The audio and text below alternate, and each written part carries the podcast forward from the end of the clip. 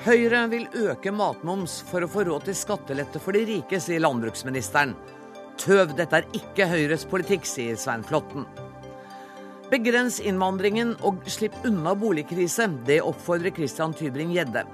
Typisk Frp å skylde på innvandrerne, svarer Arbeiderpartiet. Avisenes kampanje for å få de unge til å bruke stemmeretten virker mot sin hensikt. De blir skremt bort fra valgurnene, mener Klassekampens Mimir Kristiansson.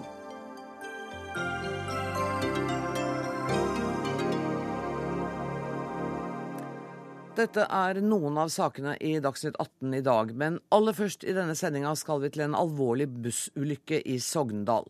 Flere personer skal være livstruende skadd etter at to busser har kollidert ved Fardal mellom Sogndal og Leikanger. Operasjonsleder i Sogn og Fjordane politidistrikt, Hans Petter Harlem, hva kan du fortelle om ulykken? Vi fikk melding om ulykken klokka 16.58. At det var to busser da som hadde kollidert på fv. 55 på Fardal. I disse bussene så er det totalt ca. 30 personer. Og det ble tidlig erfart at det var flere personer da fra disse to bussene som hadde alvorlige skader. Det ble satt i gang en større innsats fra helse, brann og politi. Og det er en stor, stor, stort arbeid som pågår nå på stedet. Klokken 17.55 fikk vi opplyst at det er to personer som er omkommet bakgrunn i at de har vært med i denne ulykken. To personer har altså mistet livet, og flere er alvorlig skadd. Um, har dere oversikt over det totale skadeomfanget nå? Vi har ikke oversikt over det totale skadeomfanget. Det jobbes det med nå på stedet. Vi har bedt om bistand fra Statens havarikommisjon for transport og Statens vegvesen ulykkesgrupper, som vil komme til stedet og, og bli en del av etterforskningen. Kan du allerede nå si noe om årsaken til ulykken? Det er for tidlig å, å si noe om. Var det stor trafikk på veien? Eh, Fylkesvei 55 har stor trafikk nå, og den har eh, vært øket den siste uken pga. Eh, brannen som var i Gudvangatunnelen. og Derfor er det større trafikk på fylkesvei 55. Eh, hvordan arbeider dere videre nå utover kvelden? Nå er dette tidlig, sånn at man må først foreta livreddende førstehjelp. Det er varslet kriseteam i Sogndal kommune varslet. Det blir opprettet et kontaktsenter for involverte på Sogndal hotell. Veien, fv. 55, vil bli stengt i timer fremover. Da oppsummerer vi altså at to personer har mistet livet og flere er alvorlig skadd etter en bussulykke i dag ved Fardal mellom Sogndal og Leikanger. Tusen takk for at du var med i Dagsnytt 18, operasjonsleder i Sogn og Fjordane politidistrikt, Hans Petter Harlem.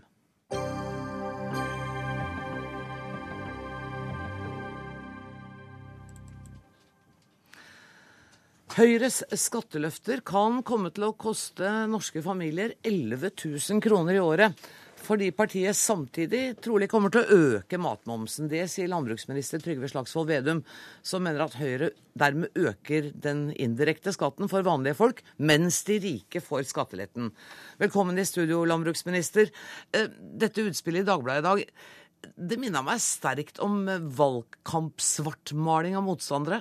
Nei, det er jo ikke det. Jeg tar Høyres alternative budsjettforslag fra i fjor på alvor. De foreslo å øke skatten på mat med 1% Men du har beregna med 10% Ja, og da viste de en vei. For den, den, den inntekta de fikk på det, var ca. 1,4 milliarder. Og så valgte de å kutte formuesskatten, skatten til uh, Stein Erik Hagen, Øystein Betalen, med 1,6 milliarder kroner. Og jeg syns det var en feil prioritering at man valgte å skattlegge mat hardere for alle og bruke de pengene man da får inn, til å redusere formuesskatt, som veldig mange færre får glede av. Men jukser du ikke litt når du i regnskapet ditt, som er altså at en tobarnsfamilie vil komme ut 11 000 kroner dårligere pga. Uh, moms på mat, så har du regna inn 25 uh, moms. Mens det de har foreslått i det alternative budsjettet, er 1% Ja, det var det de foreslo i fjor, og de foreslo også i forfjor, og det har vært en linje i Høyres politikk at jeg ønska å skattlegge maten hardere i, i de siste års budsjett. Og så vet jeg at presset på, på, på, matskatt, eller på matmoms, er veldig høyt. Og, og, og Høyre har faktisk da vist før et valg at de ønsker å skattlegge hardere. Og Høyre har vært veldig frimodig med mange løfter de skal klare å finansiere, bl.a. formuesskatt. Og de viser da hvordan de har tenkt å gjøre det i fjor, og det var med økt matmoms. Jeg mener at det var feil, og derfor må vi si tydelig fra på det, at vi ønsker en annen prioritering. Og det er lav skatt på mat, og ikke ha fullt så mye penger til f.eks. å gi skattelette på de som har aller mest fra før. Svein Flåtten, næringspolitisk talsmann fra Høyre, du er med oss fra Arendal. Det er vel riktig det Slagsvold Vedum sier, at ved dette så viser dere hvilken retning dere har tenkt å gå? Nei, det vil jeg ikke si. Det, vi hadde det i vårt alternative budsjett, det er riktig. Men det Slagsvold Vedum glemmer å si, er at han selv og hans regjering økte med 1% i 2012-budsjettet. Men da var det til mer aktverdige formål, antagelig. Det er jo ikke sånn, og det er jo et lettvint og tøvete regnestykke at man i et statsbudsjett på 1000 milliarder tar ut f.eks. 1 milliard på inntektssiden, og så sier han at det går til den og den utgiften. Det er jo ikke sånn budsjettet fungerer. Vi har 1000 milliarder som vokser med, med 50 milliarder i året. Det er klart at innenfor det så skal man prioritere. Og vi har ingen planer om å legge på til 25% Disse regnestykkene til Slagsvold Vedum det er ren, skjær valgpropaganda. Og han kunne, jo, han kunne jo i hvert fall kostet på seg å forklare at man ikke la meg si, bytter én milliard mot en annen milliard i regnestykkene. Og så kunne han også forklart hvorfor det var helt nødvendig for den rød-grønne regjeringen å øke med 1% i 2012, og hvorfor hans partnere eh, Arbeiderpartiet og SV har tatt til orde for å øke til 25% Han får ta et oppgjør med partnerne sine før han tar noe oppgjør med Høyre. Men Det som er viktig å gå inn i, er å se hva vi faktisk har foreslått i Stortinget. Og ta utgangspunkt i det skattenivået vi har nå. Høyre ønsker å profilere seg som et skatteletteparti, men de faktisk da, innførte en skatteskjerpelse før jul. Og den var da til absolutt alle, uavhengig av inntekt. Og de brukte bl.a. det økte handlingsrommet de da fikk, til å gi skattelette til veldig få. Og det var en reell prioritering. Og det er en ærlig sak å prioritere annerledes. Men eh, vi mener det er feil. At de skal skattlegge maten hardere nå. Vi mener at skatten på mat er høy nok, og vi vil ikke da ha de penga til å f.eks. gi lettelser i formuesskatt. Men, men, men, i det året som dere økte matmomsen med 1 Slagsvold Vedum, så senket dere, eller så økte dere også bunnfradragene for formuesskatten for folk i Norge betraktelig. Det var også skattelettelser til de rikeste.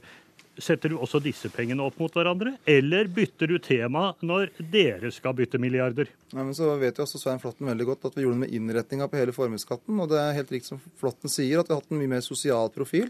Vi har eh, gitt uh, skattelettelser i bunn, og så har vi skjerpa formuesskatten for de med aller størst formuer. Og det mener vi var en riktig prioritering, at færre betaler formuesskatt under den rød-grønne regjeringa, mens de som har veldig store formuer, betaler mer.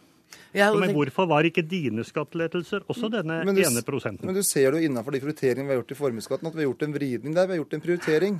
Og dere gjorde en prioritering i fjor høst. Dere valgte å skattlegge mat hardere og gi lettelser i formuesskatten. Og vi mener at det er en feil prioritering. Men jeg, og jeg mener at jeg har forberedt meg på at vi skal snakke om landbrukspolitikk og ikke bare om formuesskatt. Og, og, du Slagsvold Vedum har sagt at Høyre foreslår bare kutt når det gjelder landbruket. Ja. De foreslår tiltak, økte bevilgninger, på nesten alle områder, men ikke på landbruket. Er de spesielt ute etter landbruket, da? Det er fullstendig uvanlig eh, at et parti går til valg på kutt. Det som er ofte er utfordringen, er at man lover litt for mye eh, på økningen, og så strever han litt med å klare å oppnå det. Kjenner du deg igjen i det? Ja, det, men han skal ha litt ambisiøse mål. Og det er bra at han har politikere med ambisiøse mål. Men måla til Høyre på landbrukspolitikken er kutt. Eh, og de synliggjorde det i fjor høst om at de kutta over 1500 millioner til landbruket. De synliggjorde det også i diskusjonen om toll. At med en gang det blir litt strid, med en gang eh, Brussel sier fy, så hopper, eller sier bø, så hopper eh, høyrefolka med lua i hånda. Mens regjeringa har turt å stå opp. Og jeg syns det er rart at eh, Høyre ønsker å kutte 15 millioner i en så stor og tung næring, som betyr så mye for så mange rundt omkring i hele landet.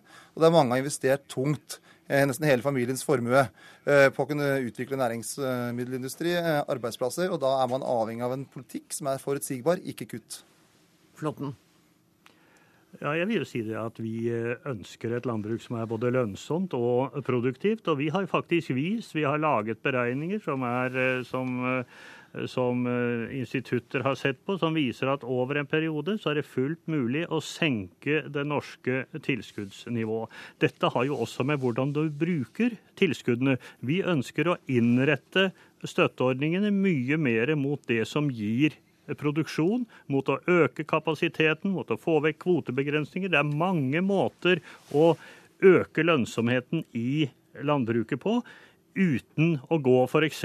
på økt importvern, som, som dere har gjort. Og det er også mulig å kombinere det med å senke det totale støttenivået. Men det betyr ikke at vårt mål er å kutte. Vårt mål er å få et best mulig landbruk, men det må innrettes på det som er fremtidens landbruk. Vi vet at det minker en 8000 bruk i året. Hvordan skal det se ut i framtida? Hvordan skal støtteinnretningen være innrettet? Men Flåtten, kan jeg bare spørre, Tar eh, Slagsvold Vedum feil når han sier at dere foreslår en reduksjon i overføringen på 1500 milliarder? Millioner. Nei, er Millioner, helt- unnskyld, det- millioner. Nei da, nei da det, er, det er helt Det- riktig, det er riktig, at vi har, ja. det er helt riktig at vi har gjort. Men det er et uttrykk for en nivåsenkning over tid. Og når vi har lagt inn i våre langsiktige beregninger over en åtteårsperiode, så er det en nivåsenkning som vil skje over tid. Det er ikke sånn at man skrur av lyset fra det ene året til det andre. Men vi mener faktisk at ved en mer fornuftig innretning, så kan man over tid senke tilskuddene. Ja, og det står vi på. Men det er jo Altså det, det ble foreslått i desember, og det ble stemt over i desember, og det ville ha, ha gjort fra, fra år én. Men, eh, men det er bra at eh, Svein Flåtten begynner å se at den politikken han foreslo før jul, ikke var så klok. Men det er, det er ingen andre områder man sier at jeg skal ha en satsing på skole, og så vi kutter vi halvannen milliard. Vi skal ha en satsing på sykehus, så kutter vi en halvannen milliard. Men så diskuterer kan vi bruke de pengene bedre. Det skal vi selvfølgelig diskutere. Men det å si at man skal ha en satsing på norsk matproduksjon, og så det er det eneste man lover, er et, eh, er et kutt. Og så er det det som er noe problemet med Høyres landbrukspolitikk, det er at de tar utgangspunkt at Norge er et flatt land. At Norge er et varmt land. Og Norge blir ikke flatere og varmere om Høyre vinner valget. Norge blir det landet det er. Og skal vi ha landbruk i Norge, så må vi bruke virkemidler. Og vi får så mye igjen for de ca. 15 milliardene kroner vi bruker. I arbeidsplasser, i gode smaksopplevelser og en veldig god beredskap for landet å ha en egen matproduksjon. Men Slagsvold Vedum, landbruk er en næring. Det er ikke som skole og sykehjem og andre sosiale utgiftsposter på eh, statsbudsjettet. Det kan ikke statsråden mene. Dette er en næring som vi støtter, som vi skal fortsette å støtte. Men jeg tror det må være riktig, også sett opp mot veldig mange andre næringer i Norge, og det er mange som sliter, se hvordan vi innretter støtten på den mest mulig optimale måten. Slagsvold Vedum snakker om dette som om det er en ren bevilgningspost, som om alle disse bøndene som er selvstendig næringsdrivende ute i landet, bare sitter og tar imot fra Slagsvold Vedum. Det gjør de slett ikke. De skal ha muligheter til å drive, og vi ser at det er en god del andre måter som du kan gjøre dette på, som du også kan styrke landbruket. Er ikke det, har ikke Flåtten et godt poeng her? For du snakker om det som om jordbruket er noe som burde stå på en eller annen verneliste. Nei, altså Norsk landbruk er utrolig aktivt, og, okay. og det er dyktige produ produsenter, og det er krevende å få lønnsomhet. Men skal du få lønnsomhet i Norge, så må man ha tilskudd og, eller, eller tollvern. Fordi at det er så mye vanskeligere å drive landbruk f.eks. i Sogn og Fjordane enn det er å drive det i Sør-Sverige. Og det er bare å se ut vinduet at det er mye mer krevende. Og Norge er et mye kaldere land. Og Derfor så må vi bruke en del ekstra virkemidler for å få lønnsomhet. Men det er den enkelte bonde som til sjuende og sist avgjør om han eller hun får, løn, får overskudd på sin bedrift. Men vi må ha en hjelpende hånd fra staten for å klare å få landbruk i hele Norge. Og jeg håper at vi snart kan komme til diskusjonene. Det blir ikke i dag om kvotebegrensninger og produksjonstak. Nei, det blir ikke i dag, tror jeg. Men her er skillelinjene veldig tydelige. Eh, altså, du ser Høyre ønsker å kutte i overføringene. De har raljert over den prosenttollen. Og de ønsker å, å fjerne altså, kvotebegrensninger og melkekvoter. Det, gjort, det Valget der er at vi ønsker å ha melkeproduksjon i hele landet, ikke bare konsentrert rundt de store byene. Derfor har vi melkekvoter. Og for å si, ikke sikre overproduksjon. Og Høyre ønsker en helt annen landbruksmodell. Og dessverre vil det være en enorm eh, nedbygging. Og når de skal samarbeide med Frp i tillegg, så blir det neddriving. For de ønsker å kutte 5,5 milliard på ett år. Så det er et veldig dramatisk valg man står overfor i forhold til norsk landbruk, norsk næringsmiddelindustri. Og derfor som alle som er glad i landbruket, gå og stemme. Flåtten, vi kan vel se at til og med Dagsnytt 18 har åpna valgkampen i dag da, med, med dere to. Dere skal vel møtes flere ganger i løpet av de nærmeste ukene, vil jeg tro? Jeg hører på innspillene fra landbruksministeren at det er høyst nødvendig for å få oppklart de uklarhetene han svever i. Tusen takk for at dere var med i dag, Trygve Slagsvold Vedum og Svein Flåtten.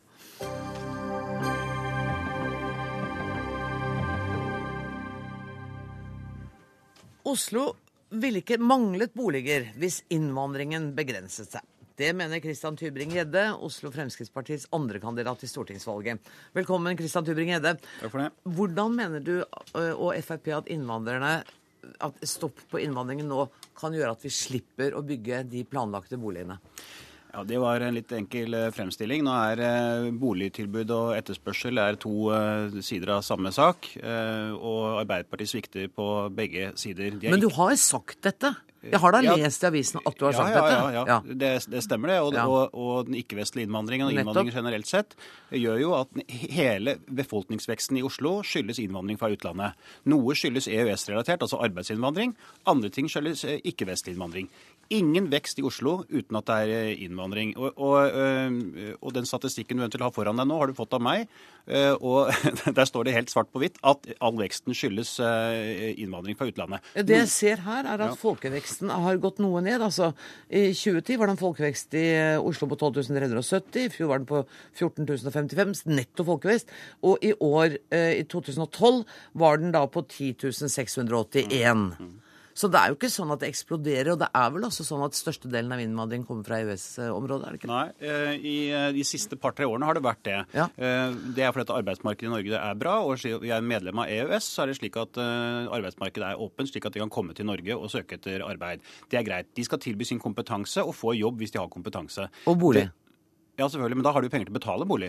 Eh, og, og, og oss er også arbeidsgiver som ordner med bolig for de som har kompetanse og de som kommer hit. Det vi, det vi er ute etter i Oslo Frp, er å se på den innvandringen som man faktisk kan styre, nemlig den ikke-vestlige innvandring, hvor de kommer med to tomme hender eh, og har nødt til å ha hjelp på det offentlige for i hele tatt få bolig til å bo. Og Arbeiderpartiet, også sammen med Høyre, men spesielt Arbeiderpartiet, har tillatt en innvandring helt uten bærekraft i, i, i Norge, og vi ser det, hvilken vei det går, og stadig flere blir oppmerksomme på at dette ikke går, går bra. Eh, og så sier eh, sikkert min kollega her at hun snakker om internasjonale konvensjoner, vi må slutte oss til det. Men altså veksten i innvandringen i Norge er høyest i hele Europa. Vi har 9,4 eh, personer per 1000 innbyggere i Norge, så den veksten er høyest i hele Europa.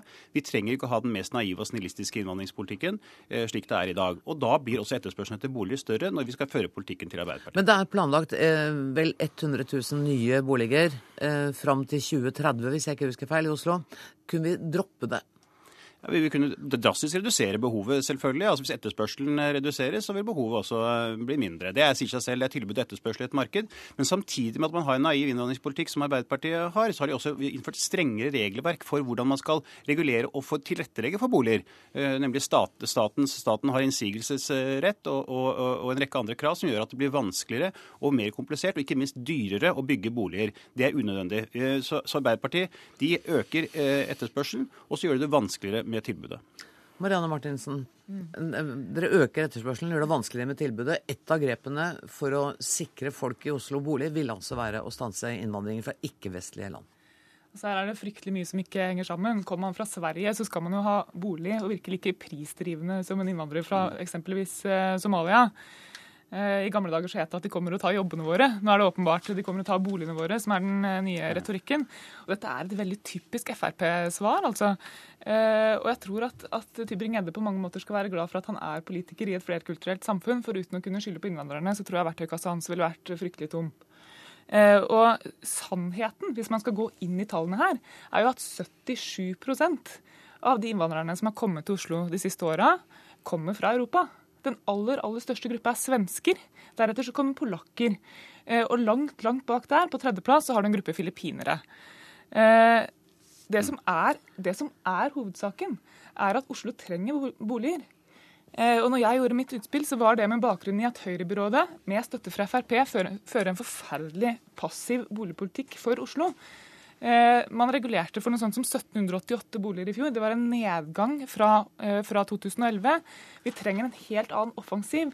Og Problemet er at Oslo kommune sitter stille og ikke regulerer nok tomter. Det gjør at vi får ikke opp den boligbygginga som vi trenger, for det er jo flere boliger som er svaret. Ikke å stenge grensene og begynne å drømme tilbake til 50-tallet.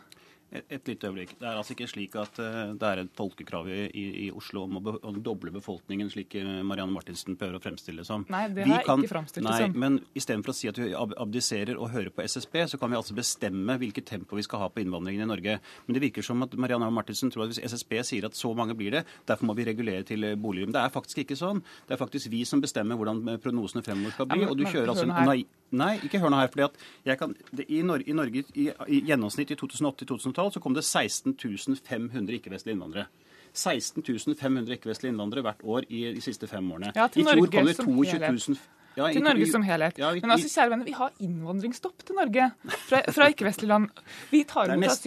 vi tar imot asylsøkere. Det har vi en plikt til å gjøre, på lik linje med alle andre rike, siviliserte land. Vi har hatt 50% nedgang i asylsøkere til Norge siden 2009.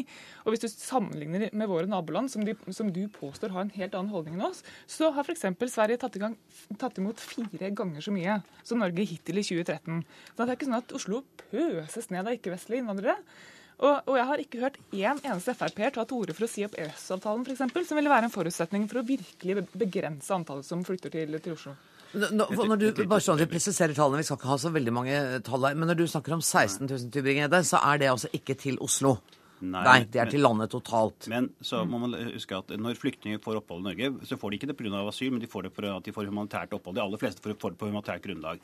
Så blir de plassert ut i kommunene med såkalt tilskudd, slik at de skal bosettes i kommunene. Men når dette tilskuddet er over etter fem år, så flytter de aller fleste inn til byene, og de aller fleste flytter til Oslo. Så det hjelper ikke om du sier at det er 16 500 i landet. De aller fleste ender opp i Oslo til slutt. Og Derfor er det altså 50% innvandrere nå. I løpet av to generasjoner så har det gått fra 0 til 50 i tre av Oslos bydeler. Mm. Hvis du sier at det er en moderat, moderat, innvandring, det er en ganske dramatisk samfunnsendring og en hel omveltning av samfunnet. Og jeg mener faktisk at det er en plikt for oss som, eh, som er bodd i landet opprinnelig, at vi også kan se på innvandringstempoet, istedenfor å late som det er internasjonale konvensjoner som skal styre vår innvandringspolitikk. Jeg bare, bare tenkte jeg skulle presisere én ting. fordi at den netto innvandringen til Oslo, og da er det all innvandring til Oslo i fjor var på 5899 mennesker, ifølge Statistisk sentralbyrå. Så at, nå høres det ut som det kommer 16 000 i året flyttende til Oslo. Det gjør det altså ikke.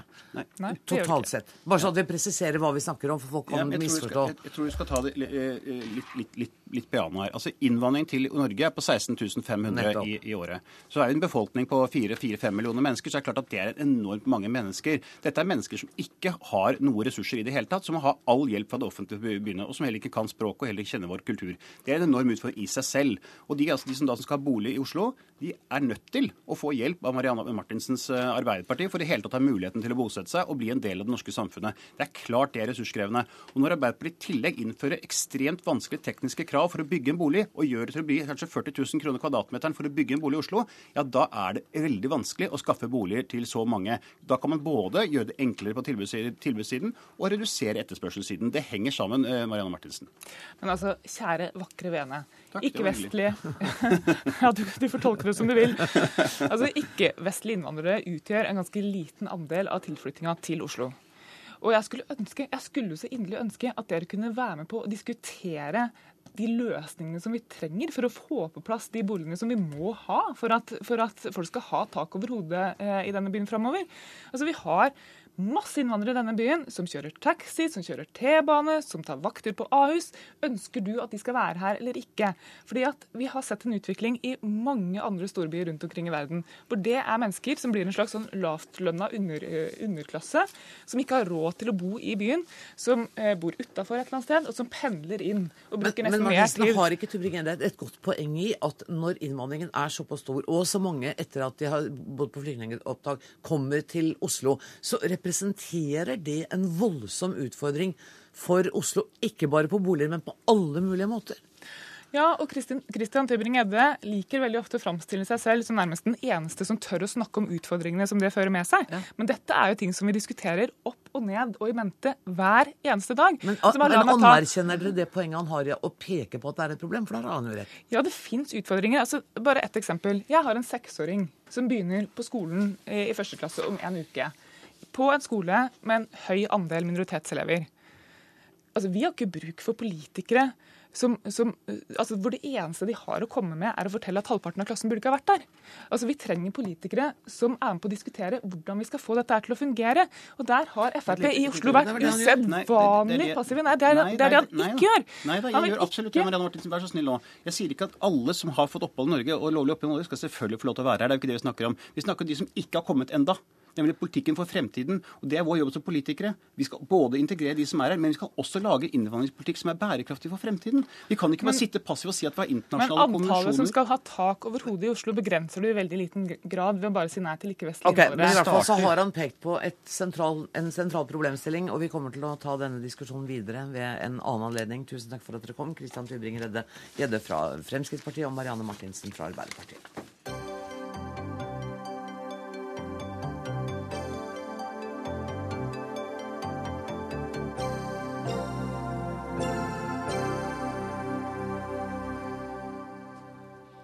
Bare tre dager før israelere og palestinere igjen skal møtes ved et forhandlingsbord, annonserte Israel at de vil bygge nesten 1200 nye boliger på Vestbredden. Det samme skjedde ved forrige runde for tre år siden, med det resultat at forhandlingene da brøt sammen. Torgeir Larsen, statssekretær i Utenriksdepartementet. Hvilke signaler er det Israel ønsker å selge nå? Sende, mener jeg. Ikke selge, men sende til eh, palestinerne med dette budskapet. Altså, vi har sagt veldig tydelig og klart at uh, det er feil signal å sende. Uh, at man bygger flere bosettinger nå. Samtidig vil jeg si at det uh, ikke er overraskende. Uh, det er også sånn at du har en israelsk regjering hvor du har en boligminister som er mot en avtale og for å bygge bosettinger, og som går ut med dette. Og du har en finansminister som er mot dette, og mm. går ut og sier det. Så det er også et, et spill for så vidt på hver side. Fordi det er mange som har store tvil eh, når det gjelder forhandlinger, men mye står på spill. Eh, vi mener det er eh, dypt beklagelig. Eh, bosettinger er et av de store, hvis ikke de største problemene, særlig hvis man ser det fra palestinsk side, mm. når det gjelder å få troen eh, på en bærekraftig løsning. Men, og dette her er jo, Det er jo ikke forhandlinger som er i gang. De skal møtes for å finne ut av om, hva de skal forhandle om. på en måte. Det er helt i den innledende fasen. Det er det. Eh, og eh, så vil jeg si at eh, det er jo nesten ingen som trodde at de skulle komme dit engang. Det er det takket være USA at de kom så langt? Det er takket være den amerikanske utenriksministeren, vil jeg si. Veldig få trodde han ville komme så langt. Det er dessverre sånn at det sjelden er vanskelig å være pessimist i Midtøsten. Mm. Og heller ikke i denne, denne konflikten. Men John Kerry skal virkelig ha det, at han har satt alt inn på å få dette til. Og da tror jeg det er viktig eh, å merke seg et par ting. Eh, det har vært snakket om forhandling mange ganger. Eh, det er stor grad av kynisme, og det er erfart altså skepsis når det gjelder ord og forhandlinger, ord og økonomiske pakker. Men vi står nå antageligvis overfor den siste senior amerikanske politiker som plukker opp denne stenen innenfor det rammeverket som starta i Oslo for snart 20 eh, år siden. Eh, og det er et alvor i det eh, som både palestinske ledere og israelske ledere forstår. Så det er nå på en måte en slags skjebne, uker, måneder foran oss i forhold til det som ble startet her i Oslo mm. for snart 20 år siden. Tidligere Midtøsten-korrespondent i NRK Sissel Wold. Hvordan ser du på at Israel sier ja til å forhandle for så å lansere utbyggingsplaner? Har, har det ligget i kortene hele tiden? Jeg tror at dette er et uh, politisk uh, teater. Jeg tror at uh, Netanyahu vil kjøpe seg tid. Og jeg ser i israelske presse at de lurer på om Netanyahu tenker på å krysse Rubicon, om han tør det.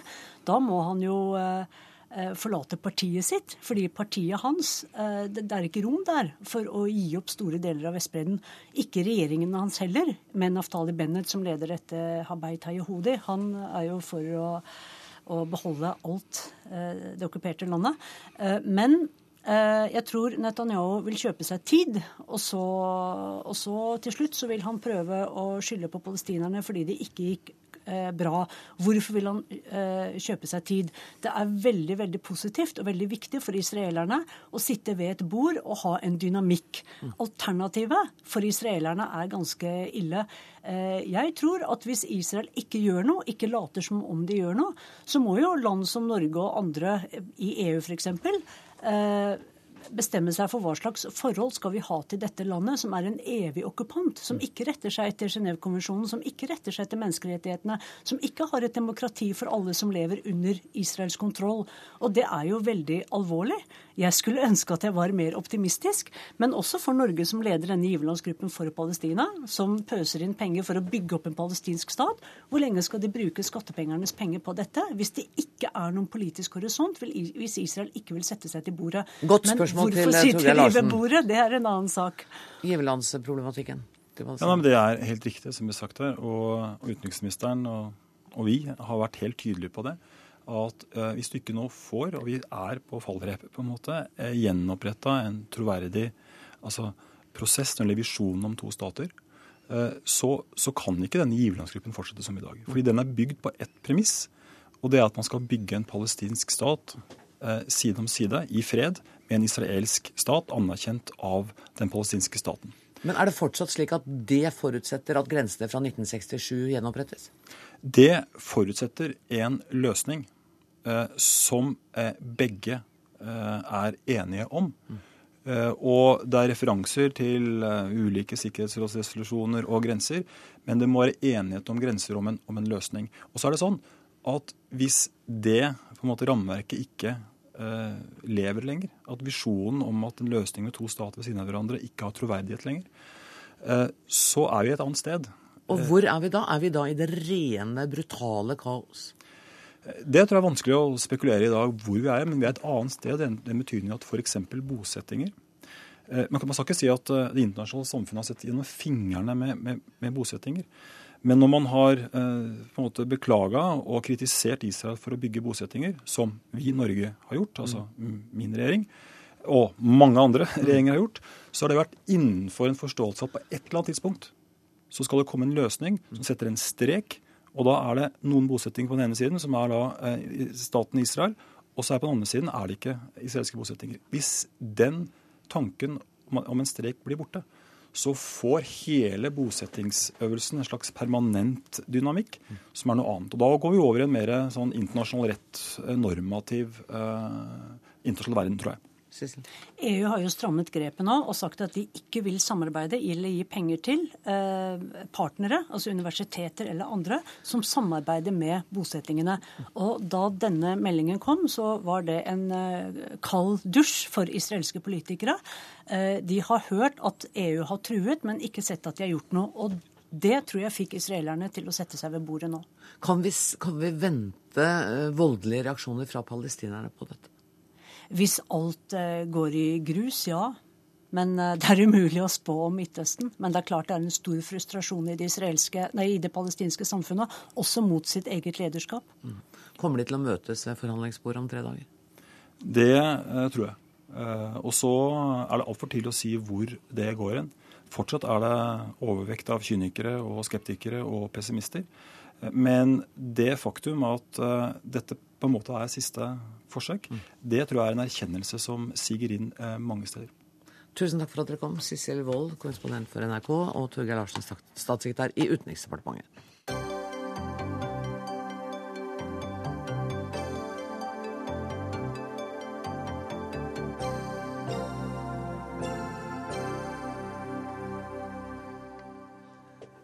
Nesten halvparten av velgerne under 30 år var hjemmesittere. I dag hadde Aftenposten og en rekke andre aviser en ekstra forside hvor de oppfordrer flere unge til å stemme.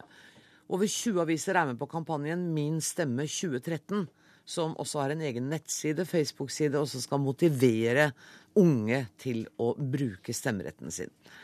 De skremmer de unge vekk fra valgurnene, skrev du på Twitter i dag, Mimir Kristiansson, politisk journalist i Klassekampen. Du er med oss fra Arendal. Hvordan gjør de det? Det gjør de fordi den kampanjen både er moraliserende, eksotiserende og fordummende. Den er moraliserende fordi at budskapet er at norske ungdommer er så bortskjemt at de ikke stemmer. Den er eksotiserende fordi det snakker om ungdommer som en gruppe fra en annen planet. Man snakker om at ungdommer kommuniserer og lar seg påvirke hovedsakelig gjennom sosiale medier, f.eks. Ungdommer er som alle andre, eh, og like forskjellige som alle andre grupper òg. Det er veldig vanskelig å si noe entydig om det.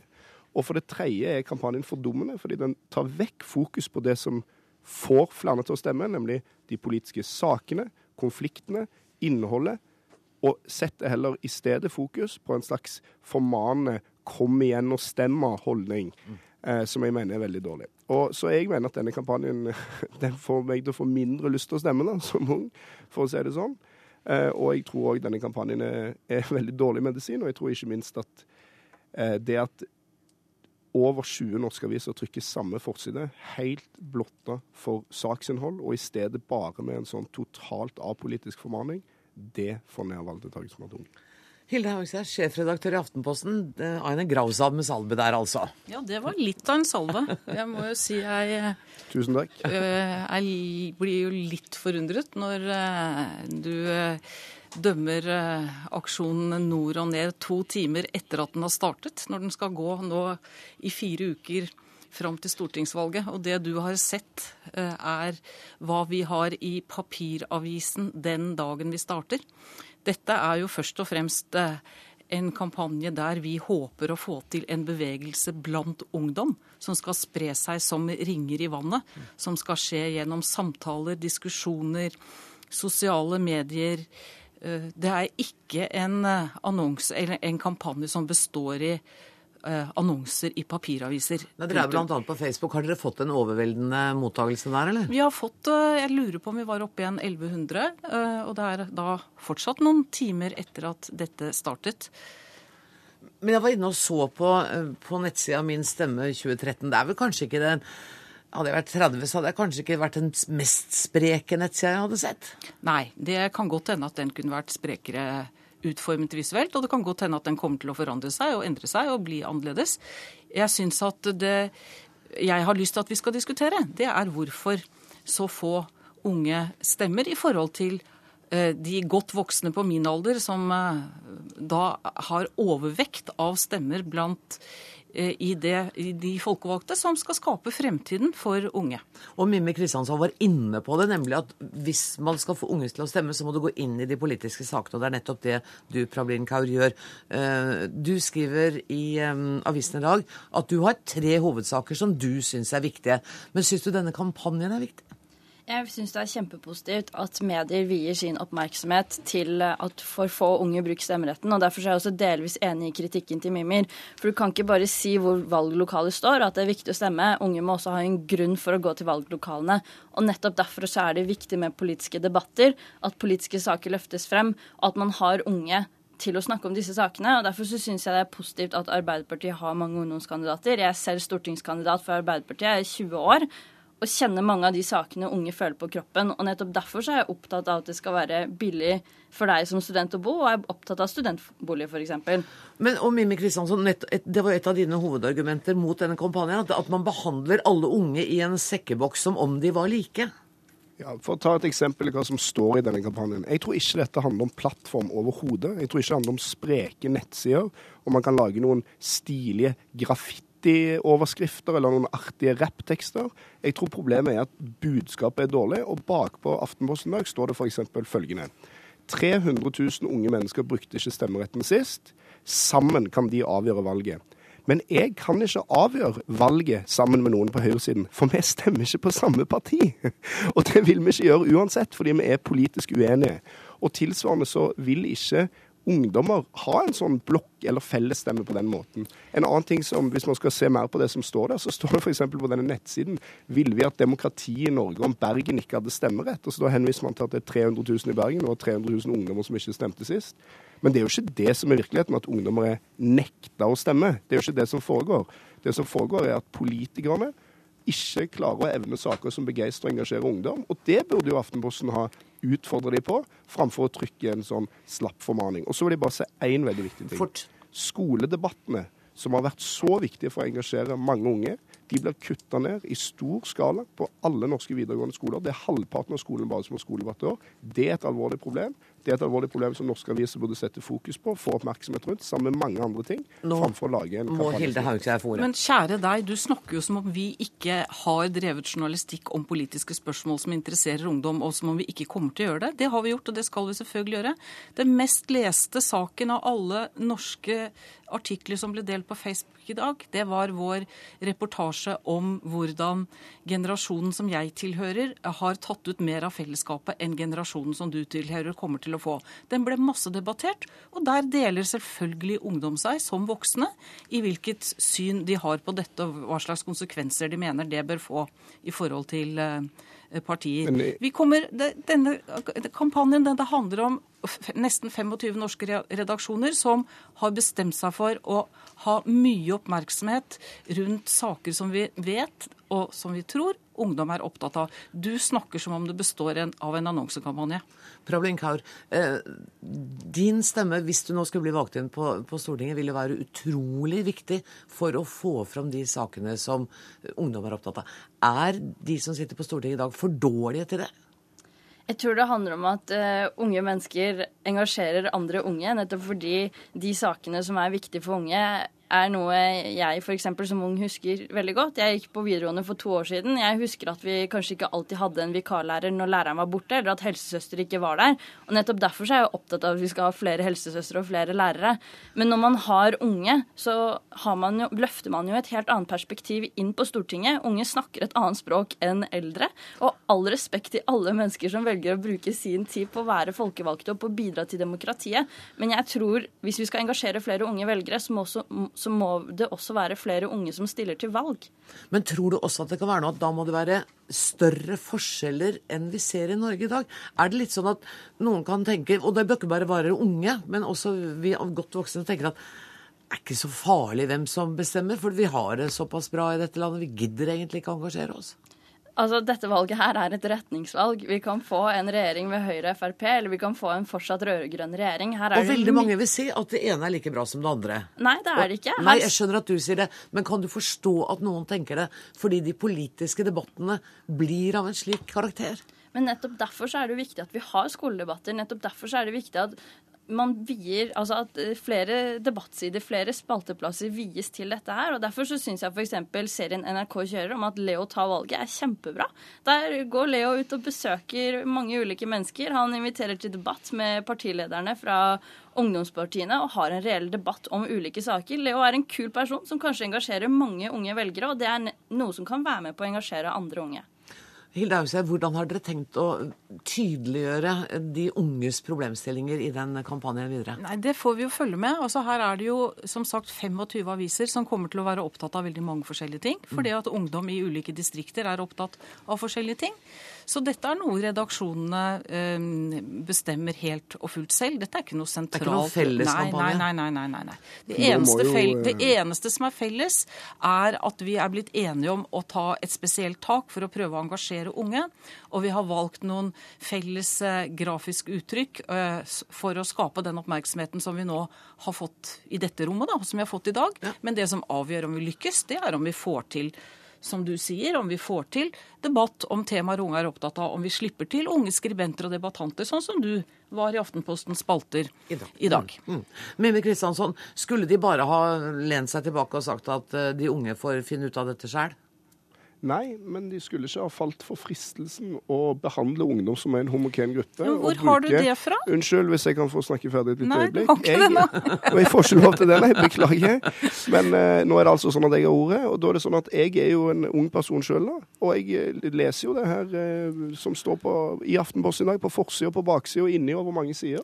Og for meg så bærer det preg av at man har en eksotiserende forhold til unge, der de framstilles som en veldig underlig gruppe, og i tillegg at man ikke klarer å, å ta inn over seg at ungdom er en ekstremt mangfoldig gruppe, som ikke er enige om hvilke saker som er viktige eller betyr noe for dem, som ikke er enige om noen ting.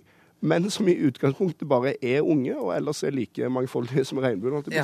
Og det Den fristelsen burde man ikke falt for. I stedet burde man ha fokusert på de politiske sakene på en bedre måte. Men du, har, du, kan være helt trygg på at vi kommer til å fokusere på politiske saker. Og dagens sider i Aftenposten de henvendte seg ikke til dine kamerater eller til deg. De henvendte seg til mora di, tanten din, onkelen din, læreren din.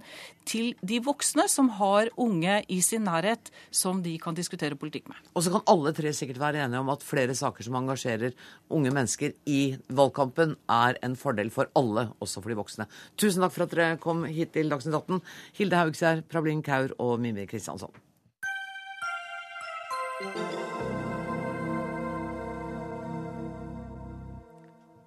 Et kunstig betongrev utenfor kysten på Gibraltar har eh, på nytt skapt gnisninger mellom Spania og Storbritannia. De siste ukene har det britiske territoriet dumpet betongblokker i sjøen for å danne et kunstig rev som angivelig skal tiltrekke seg fiskeliv. Spanske myndigheter har svart med å skjerpe grensekontrollen mellom Gibraltar og Spania, og truer med høye avgifter for alle som krysser over til halvøya. Og i dag setter en britisk flåte på ti skip kursen mot eh, Gibraltar for en lenge varslet marineøvelse. Professor i statsvitenskap eh, Øyvind Østerud, hjelp meg å forklare. Hva, hva, er det som skjer her nå? Ja, Det er et godt spørsmål, det, hva som skjer. Men, men dette er jo en akutt krise i en sak som har eh, rullet og gått med jevne mellomrom gjennom 300 år. Forholdet mellom Spania og Storbritannia i kontrollen over Gibraltar. Men eh, det helt akutte det er jo eh, denne, dette kunstige revet som britene bygger, eller som Gibraltar bygger eh, utenfor klippen. Dels sier de for å tiltrekke seg fisk, holde på fisk i området. Dels for å forhindre overfisking fra spanske fiskere, som de mener soper bunnen og fisker for mye. Er det troverdige argumenter? Ja, det er troverdige argumenter. Sånn noenlunde. Men, men, det er klart, dette er ikke økonomisk viktig for, for verken for, for Spania eller for Storbritannia. Dette er innenrikspolitikk i, i, begge landene. Det er innenrikspolitikk i Spania, ikke minst. Veldig fint å ha Gibraltar-saken gående. Kunne bruke den i en krisesituasjon. Avlede fra indre misnøye. Stor økonomiske problemer i, i Spania. Så, så, det er ikke noe dumt å ha en sånn sak. Det er akkurat som, som Falklandsøyene er veldig greit for Argentina å, kunne bråke litt med når, når de har behov for det.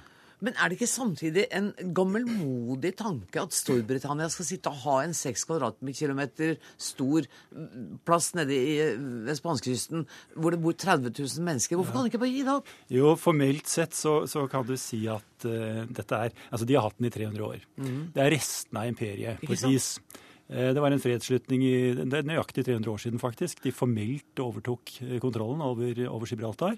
Det spilte en stor strategisk rolle veldig lenge. Det var veldig viktig for, for Storbritannia som imperiemakt. Innseilingen til Middelhavet, kjempeviktig. Og da Suezkanalen ble åpnet i den andre enden, så ble det enda viktigere. Så dette har jo vært betydningsfullt. Det som er det sentrale nå, det er at befolkningen på Gibraltar Eh, så å si alle som er, 99 vil være britiske. Eh, britene hadde et, eh, et kompromissforslag for ti år siden. De foreslo en fellesløsning. At de skulle kunne styre dette i fellesskap, og så på litt lengre sikt så får vi se. Mm.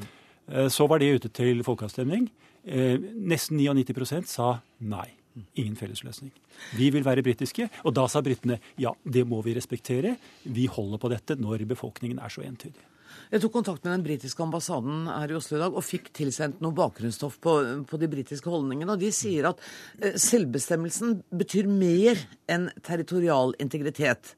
Altså at folket på Gibraltar har gjentatt og overveldende gitt uttrykk for sitt ønske om å være under britisk eh, overherredømme. Det er det som er det avgjørende for Storbritannia. Altså der, har de, der har de betydelig støtte av FN. Mm. Eh, FN eh, hadde denne saken oppe på slutten av 60-tallet og arrangerte faktisk en folkeavstemning på Gibraltar som et ledd i avgjørelsen av hvor skulle suvereniteten over dette området egentlig ligge. 6,5 kvadratkilometer eller noe sånt. Hvor skulle det ligge? Eh, befolkningen helt entydig. Det skal være britisk. FN aksepterte det. De har hatt sånne folkeavstemninger andre steder. Eh, og, det, og, det er den viktigste metoden. Altså Hvis en skulle begynne å si at nei, fordi dette er geografisk nær, så er det vårt, ja. da er det veldig mange områder som blir problematiske. Ja. Det er fryktelig mange. Det kryr av dem rundt omkring i verden. Liksom Jämtland og Herjedalen. Ja. Liksom, det, er, det, er, nesten ikke grenser. Eh, men selvfølgelig samtidig litt kunstig. Ser litt rart ut på kartet. Det er resten av imperiet, men likevel en entydig befolkning som vil være britisk, som har store fordeler av å være britiske. Altså Spania er et mye fattigere land enn en befolkningen på Gibraltar. Eh, Nasjonalprodukt per innbygger er mye mye høyere på Gibraltar enn i Spania for øvrig. Eh, Det kan jo forklare noe av motviljen mot å være spansk. selvfølgelig. selvfølgelig. Og, og Andalusia, som, som, som ligger rundt, liksom, eller utenfor, er et av de mest kriserammede områdene i Spania. Nesten 50% arbeidsløshet. Så, så liksom kontrasten og, og, forbitrelsen fra spansk side over denne privilegerte lille enklaven, den er jo veldig stor. Men nå sier jo Storbritannia at hvis ikke de stanser de rigorøse passkontrollene som de nå har, og som rammer millioner av eh, spaniere som kommer, som reiser til og fra dette Ja, området ja, Hvis ikke de gjør det, mm. så uh, vil eh, Storbritannia vurdere rettslige skritt mot Spania. Eh, Noe de sier de foreløpig kvier seg for. Og samtidig så sender altså uh, Storbritannia denne, disse marineskipene der nå til en lenge planlagt øvelse. Lenge planlagt øvelse. Det er, det er litt sånn Sør-Korea Nord-Korea over, over akkurat det der. Er det ikke det? vi Liksom, jo da, det er det. Vi har, vi har eh, mange sånne eksempler på at det er, det er beleilig å ha en øvelse i, et, i en sånn kritisk situasjon. Mhm. Eh, Dette har vi jo tenkt på veldig lenge, og den øvelsen ville vi hatt i alle fall. Men det passer veldig fint. Mm. Passer veldig fint. Og, og, og, liksom, og det- er jo også en styrkedemonstrasjon i Det er klart er det. Her er makta. Selvfølgelig. selvfølgelig. Men, men kan dette bli en virkelig alvorlig diplomatisk krise mellom Storbritannia og Spania? Nei, Det har jeg vondt for å tro. Spania må gi seg til slutt, Ja, de må gi seg til slutt. Så når Storbritannia sier rettslig, så betyr det den internasjonale domstol i Haag, Ja. eventuelt. Og vanskelig å si at de skulle kunne gi Spania medhold med en så entydig befolkning. Altså, Det spanske argumentet er rent geografisk. Mm. Det er at dette og på samme måte som Marokko har et tilsvarende krav mot Spania. På den andre siden. Nettopp, Altså Det er. Ceuta Melilla, Ja. som er sånne spanske enklaver på, Ja. på Marokkokysten. Og Marokko sier akkurat det samme som Spania sier.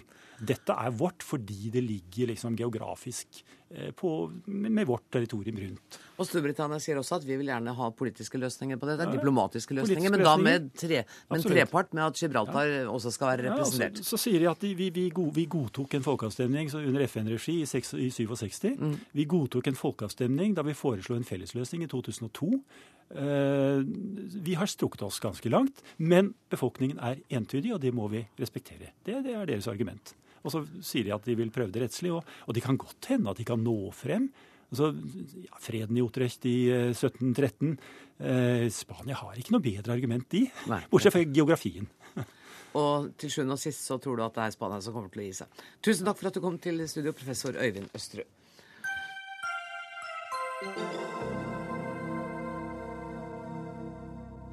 I dag er valgkampen offisielt i gang, og NRK har sin Har sin største valgkampdekning noensinne, og sin første debatt starter i kveld på NRK1 klokka 21.30. Det blir en kjempesatsing både på TV, her i radio, på nett og i sosiale medier. Og her skal politiske motstandere møtes ofte de siste ukene før stortingsvalget. Kringkastingssjef Tor Gjermund Eriksen. Kan det bli for mye valg på radio, TV, nett? Nei, altså jeg tror ikke det. Som, eh, som gammel journalist og redaktør så, så er jo valgkamp noe av det morsomste jeg vet om. Og, og det er jo virkelig en sånn situasjon du, du får det viktige samspillet mellom medier og, og politikken, eh, som vi trenger i et åpent eh, demokrati som det norske. Så, så jeg gleder meg til i kveld, og jeg gleder meg til de fire neste ukene. Det er kanskje det som er grunnen til at du er i Arendal, fordi vår eh, Ja. første debatt går Ja. fra Arendal i kveld. Ja, og det er ganske morsomt å se nå eh, politikerne som går på, på kaia fram og tilbake her, har ganske høye skuldre og er veldig spent foran den første store valgdebatten i år. Du, dette er NRKs største valgkampdekning noensinne. Eh, og jeg leste på NRKs nettsider at vi f.eks. sender 30 timer TV. Vi sender 30 timer TV, vi sender eh, mange, mange timer radio, og vi, er veldig, og vi har tatt i bruk de sosiale mediene mer enn noen gang. Og, og det er jo for å skape et engasjement. Jeg er helt sikker på at eh, NRK og andre medier bidrar til at vi får en høy valgdeltakelse og et høyt engasjement. Og litt temperatur også i valgkampen. Det, det siste må vi jo håpe på, i hvert fall at det blir høy ja, men, temperatur. og, og uten det vet, så hadde ikke demokrati fungert så godt. Man har prøvd tidligere å ha noen lokalvalg eh, utenom de store valgkampene. Og, og, fasiten fra det er jo veldig tydelig. Da faller valgdeltakelsen og engasjementet som en stein. Og det er jo ikke bra for oss. Dag Inge Fjell, du er høyskolelærer ved Markedshøgskolen. Eh, er det nok å rapportere om i spennende ting i norsk politisk liv fra nå og fram til 8.9? Eh, jeg, jeg tror forskjellene er for små til at du får det så store engasjementet. At du får med de som vurdere om det i det hele tatt er noe vits i å, å, å stemme, og ikke minst også å engasjere seg og se på dette. Altså Det er helt klart at gamle journalister og gamle politiske deltakere gleder seg, nei, gleder seg til dette. Dette er som en ny sesong av en TV-serie som du er glad i. Ja. Men de som ikke har fulgt denne TV-serien fra starten av, som ikke har noe forhold til det, de melder seg av. Men hvordan skal, vi, hvordan skal, man klare å få hekta på den? Nå har vi tidligere snakket om den mm. kampanjen som er retta mot de unge. Ja. Jeg tror jo det at det veldig mange unge de ser på, på dette politiske valgkampopplegget som, som nettopp et, et, spill hvor det egentlig ikke er så mye som står på spill. De fleste partiene har gått mot sentrum, og, og når du begynner å bore på detaljer, så er det ikke så store forskjeller mellom Høyre, Arbeiderpartiet og til og med ikke Fremskrittspartiet heller. sånn at det, det, store dramaet er ikke der. Eh, sånn som jeg husker det fra 80-tallet med, med, med, med, den gangen. Gro og Kåre-debattene. Ja, og jeg tror altså den derre Arendals, eh, hvis jeg kaller det Arendalsfestivalen, eh, ødelegger litt. For det er jo liksom en sånn fesjå blant ungdomspolitikere politikere og broilere og journalister og rådgivere. Altså, Det blir liksom så rart at, at, at, at folk som ellers ikke er engasjert i politikk, skal forholde seg til, no, til noe så spesielt. Mm. Eh, det, det, bidrar til spill-imaget til politikken, og, og, og, da blir også den enorme valgkamptekningen hvor det er så få saker som, som skiller stort, det blir bare et sånn fesjå. Fesjå Nei, nei, men jeg er så grunnleggende uenig. Nei, så første, overrasket så, jeg ble nå. Nei, men altså, altså det, er noe, det, er noe, sånn veldig pessimistisk som legger til grunn for et sånt resonnement. At, at, det er så små forskjeller, så da trenger vi ikke å engasjere oss. Vi må holde demokratiet i gang. Vi må holde debatten i gang. Og en annen ting er jo at mediene har en veldig viktig oppgave til å sette dagsorden. Det kan vi ikke overlate bare til politikerne. Man skal ha en kritisk inngang til, til valgkampen. Og vi skal kunne reise de spørsmålene, også de spørsmålene som politikerne ikke vil eh, sånn helt automatisk eh, berøre. Og, og, du må vel være enig med meg at uten en bred valgkampdekning, så ville også eh, valgdeltakelse og engasjementet og deltakelsen i demokratiet gått ganske kraftig ned. Dilemmaet ditt du, som, som, sjef for et medium er jo det at du er veldig avhengig av innholdet som, som, som, blir puttet inn i dette. Altså hva som sies og hva som tas ut som standpunkter. Og når du der har en prosess mellom valgkampene hvor, hvor du ikke tar de tydelige standpunktene lenger, eh, så, så, får du et problem med at, at det blir ikke nok eh, forskjeller å, å rapportere om. Men, men, jeg tror ikke folk eh, opplever det sånn. I år har vi en veldig klar, eh, klart bilde i forhold til om Jens eller Erna skal bli statsminister. Mm. Det er jo noe som engasjerer, og det er et tydeligere personvalg enn vi kanskje har stått overfor ved mange tidligere valgkamper. det engasjerer. Også, mm, og NRK har også gjort endringer i sin valgdekning, og moderniserte bl.a. med å ta inn Leo Ajkic. Jeg må bare spørre dere, mm. kommer vi til å se mer av den type stunt som statsministeren har gjort med å kjøre drosje i framtidige valg, tror dere? Ja, det kan godt hende, og jeg syns ikke det gjør noe heller. Det skaper liv, eh, humor, engasjement. Eh, hvis man også eh, passer på at det ikke bare er det, men også de viktige debattene, så ville ikke jeg vært særlig bekymret. Og så er det jo en annen ting, da, at tilbudet til de som absolutt ikke vil se eller delta i valgkampen, eh, både i NRK og i andre medier, er jo også større enn noen gang. Sånn at det er jo ikke et riktig bilde å si at mediene domineres totalt av dette de neste fire ukene. Masse annet å se på og høre på. Og der kom reklame for NRK. Det er veldig entusiastisk kringkastingssjef. Men du, vil, du, kommer til å se mest på, på valg. Men, men Fjell, eh, må, må man liksom forandre valgkampdekningen radikalt, tror du, i framtida? Ja, jeg, jeg, jeg tror, altså for, for, hvert nye medium som kommer, så har det jo alltid vært sagt at ja, dette, dette endrer rammebetingelsene. Mm. Nå endrer alt seg. Men så ser du det at de nye mediene de tar en rolle inn i det samme gamle mønsteret. Og det er jo litt sånn at hvis ikke du har et veldig unikt produkt som du kan snakke veldig annerledes om, eh, og det gjelder generelt, så, så, så, så, blir du litt sånn ignorert. Så du er helt avhengig av at du tar tydelig klare, annerledes standpunkter. Enten om det er et eh, produkt, eller om det er politisk parti. Eller om det er politiske ledere, og der har jo Tor Gjermund Eriksen helt rett i at det er jo et valg mellom Ja. Jens og Erna. For mange så er det det viktige i år. Riktig, men, men hva er sakene? Hva er de store sakene? Det er det som kanskje hadde engasjert flere til å, til å sitte og høre på. De tida vår er ute. Hva som er de store sakene, får du altså vite klokka 21.30. For det, Tor Gjermund Eriksen, du har lave skuldre, vel? Jeg gleder meg veldig. Jeg skal sitte på kanskje en av de, på en av de fremste benkene og følge med politikerne og glede meg veldig til debatten. Lykke til, og takk for at dere kom, Tor Gjermund Eriksen, Dag Inge Fjell. Ansvarlig for sendinga i dag var Dag Dørum. Det tekniske ansvaret har Karl Johan Rimstad. Jeg heter Anne Grosvold.